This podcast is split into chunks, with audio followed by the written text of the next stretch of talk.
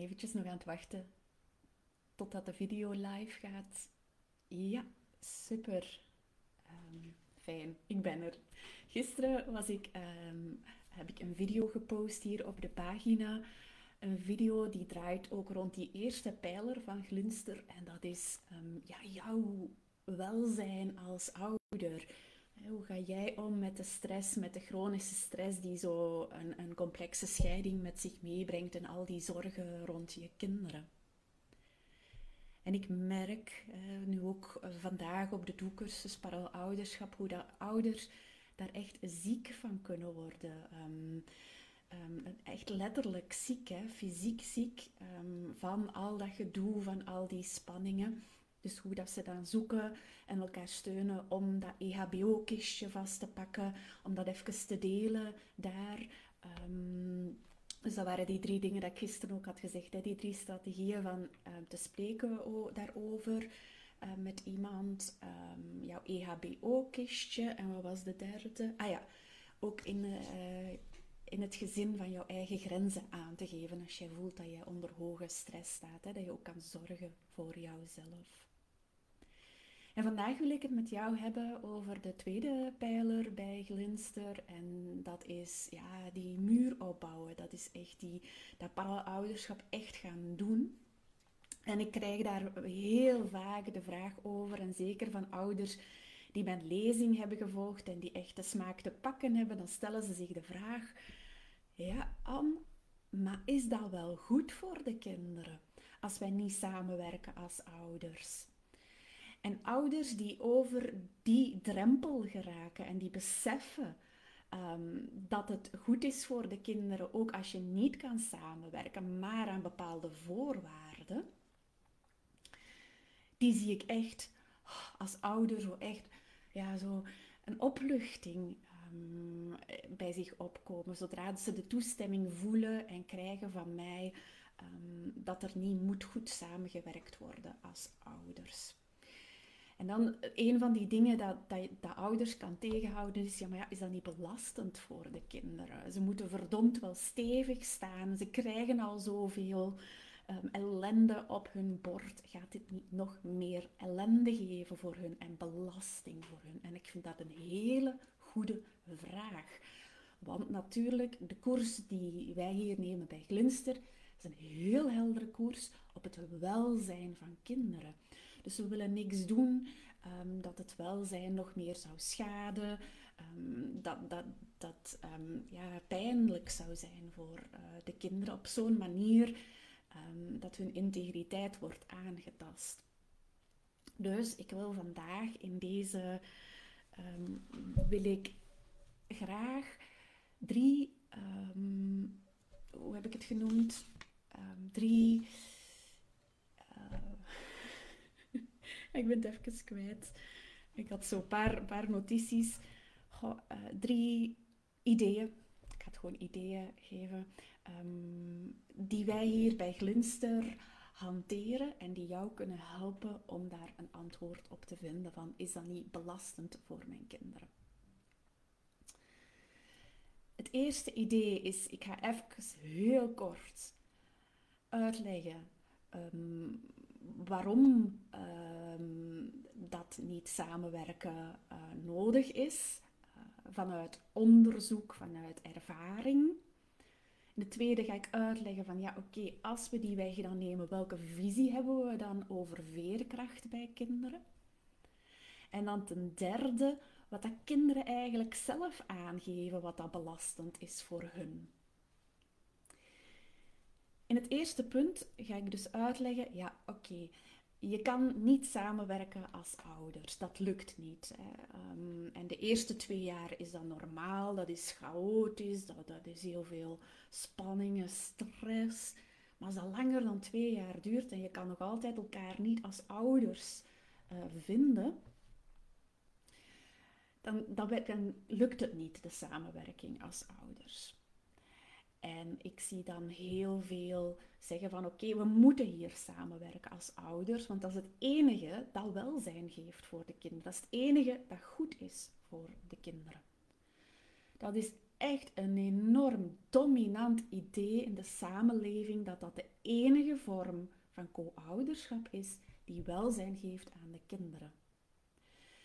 En onderzoek wijst dat dominant idee wat in vraag is heel verrassend, want eigenlijk doet maar 25% van de ouders na de scheiding aan samenwerkend ouderschap, co-ouderschap. 25%. Dus al die 75% die uit de boot vallen van dat samenwerkend co-ouderschap, kunnen zich daar slecht door gaan voelen. En daardoor is dat streven naar dat samenwerkend co-ouderschap zo sterk in onze samenleving.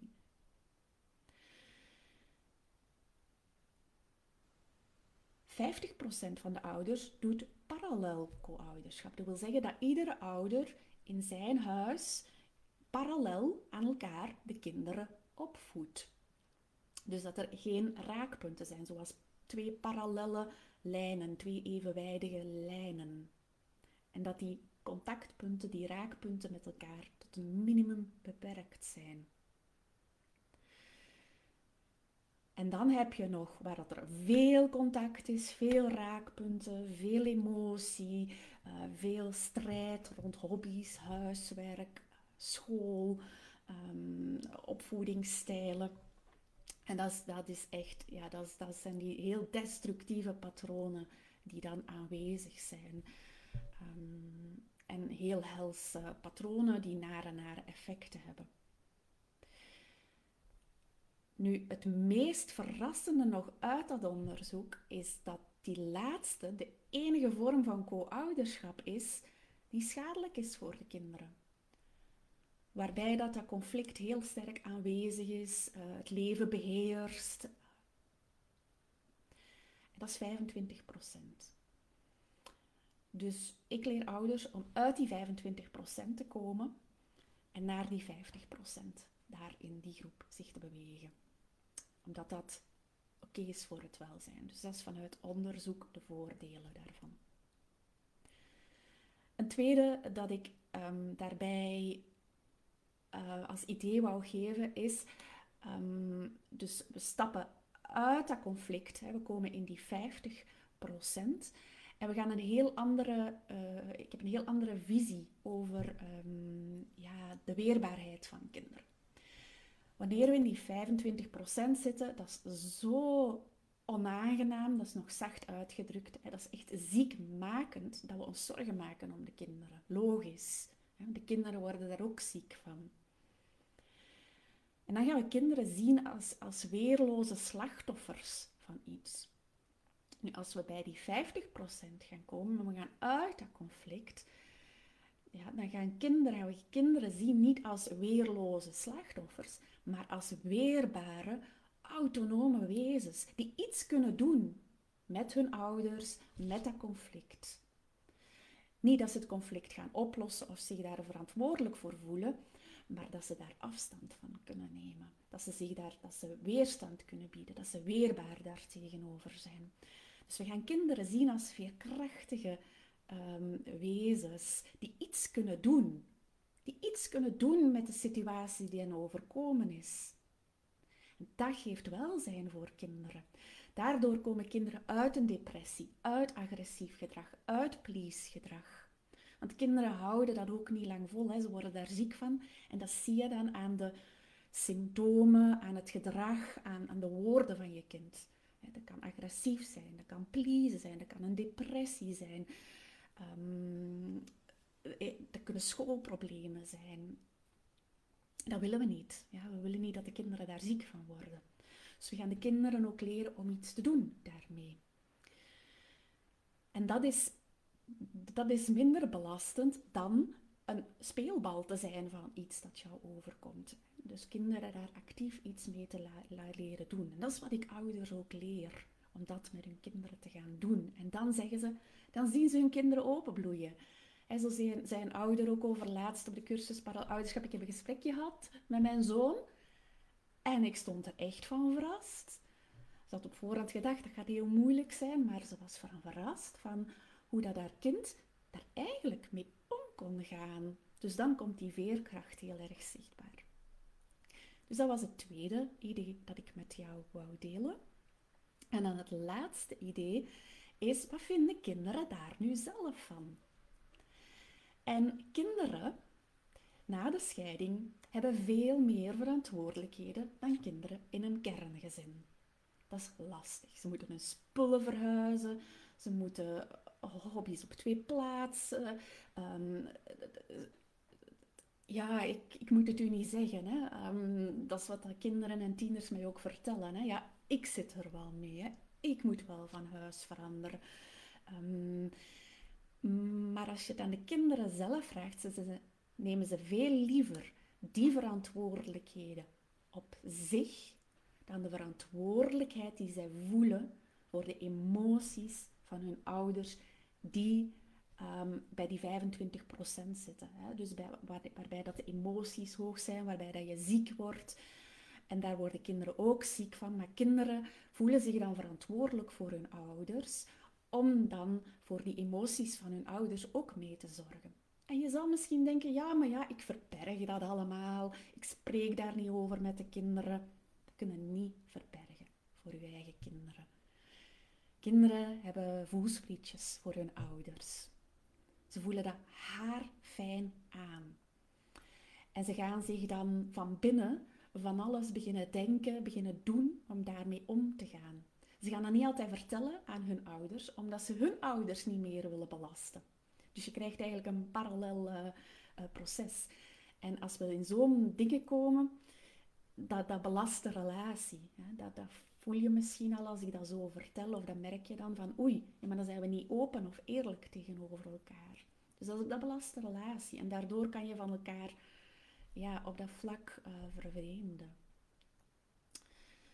Dus kinderen hebben veel liever deze verantwoordelijkheden van, um, ja, ik wil een nieuwe hobby doen, ik moet dat bespreken met mijn papa, ik moet dat bespreken met mijn mama, of ik wil, ik wil naar die school gaan, ik wil dat met mama bespreken of met papa.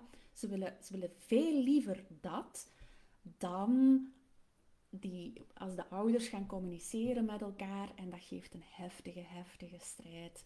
Um, daar voelen ze zich ook verantwoordelijk voor. Ineens nog een gedachte die daarbij.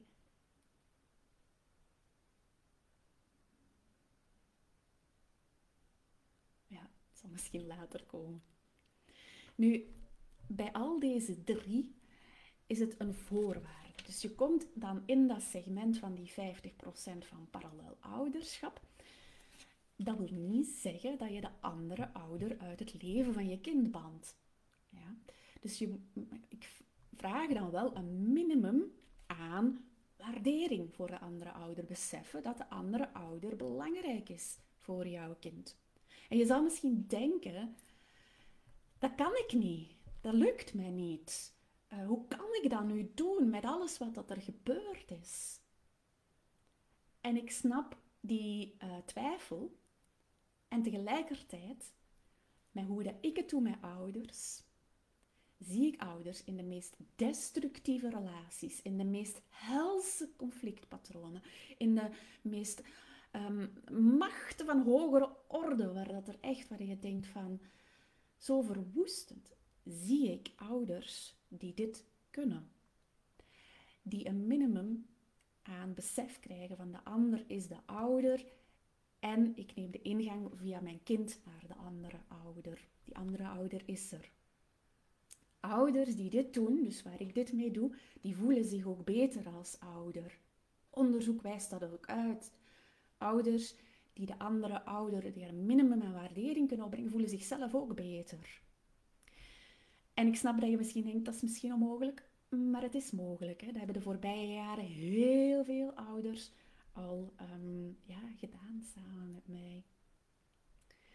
Dus ik ben benieuwd uh, welke gedachten dit jou geeft. Dat mag je altijd laten weten uh, onderaan de video of als je het op de podcast luistert. Uh, stuur mij een berichtje op info.glinster.co. En als je zegt, oh, ik, wil daar, um, ik wil dat samen wel eens proberen met jou. Um, ik, je wil je beter voelen als ouder. Dan heb ik op 9 mei een super waardevolle challenge. Um, uh, waarbij jij je beter gaat voelen als ouder. Dus dan gaan we heel veel van deze reflecties samen doen. je gaat oefenen in interactie met mij en met een hele groep andere ouders, zodat je daar wat meer opluchting bij kan voelen. Je vindt alle informatie over de challenge op uh, www.glinster.co Um, heb je daar nog een vraag over? Ook weer stuur mij een mailtje. En um, ja, misschien zie ik jou daar.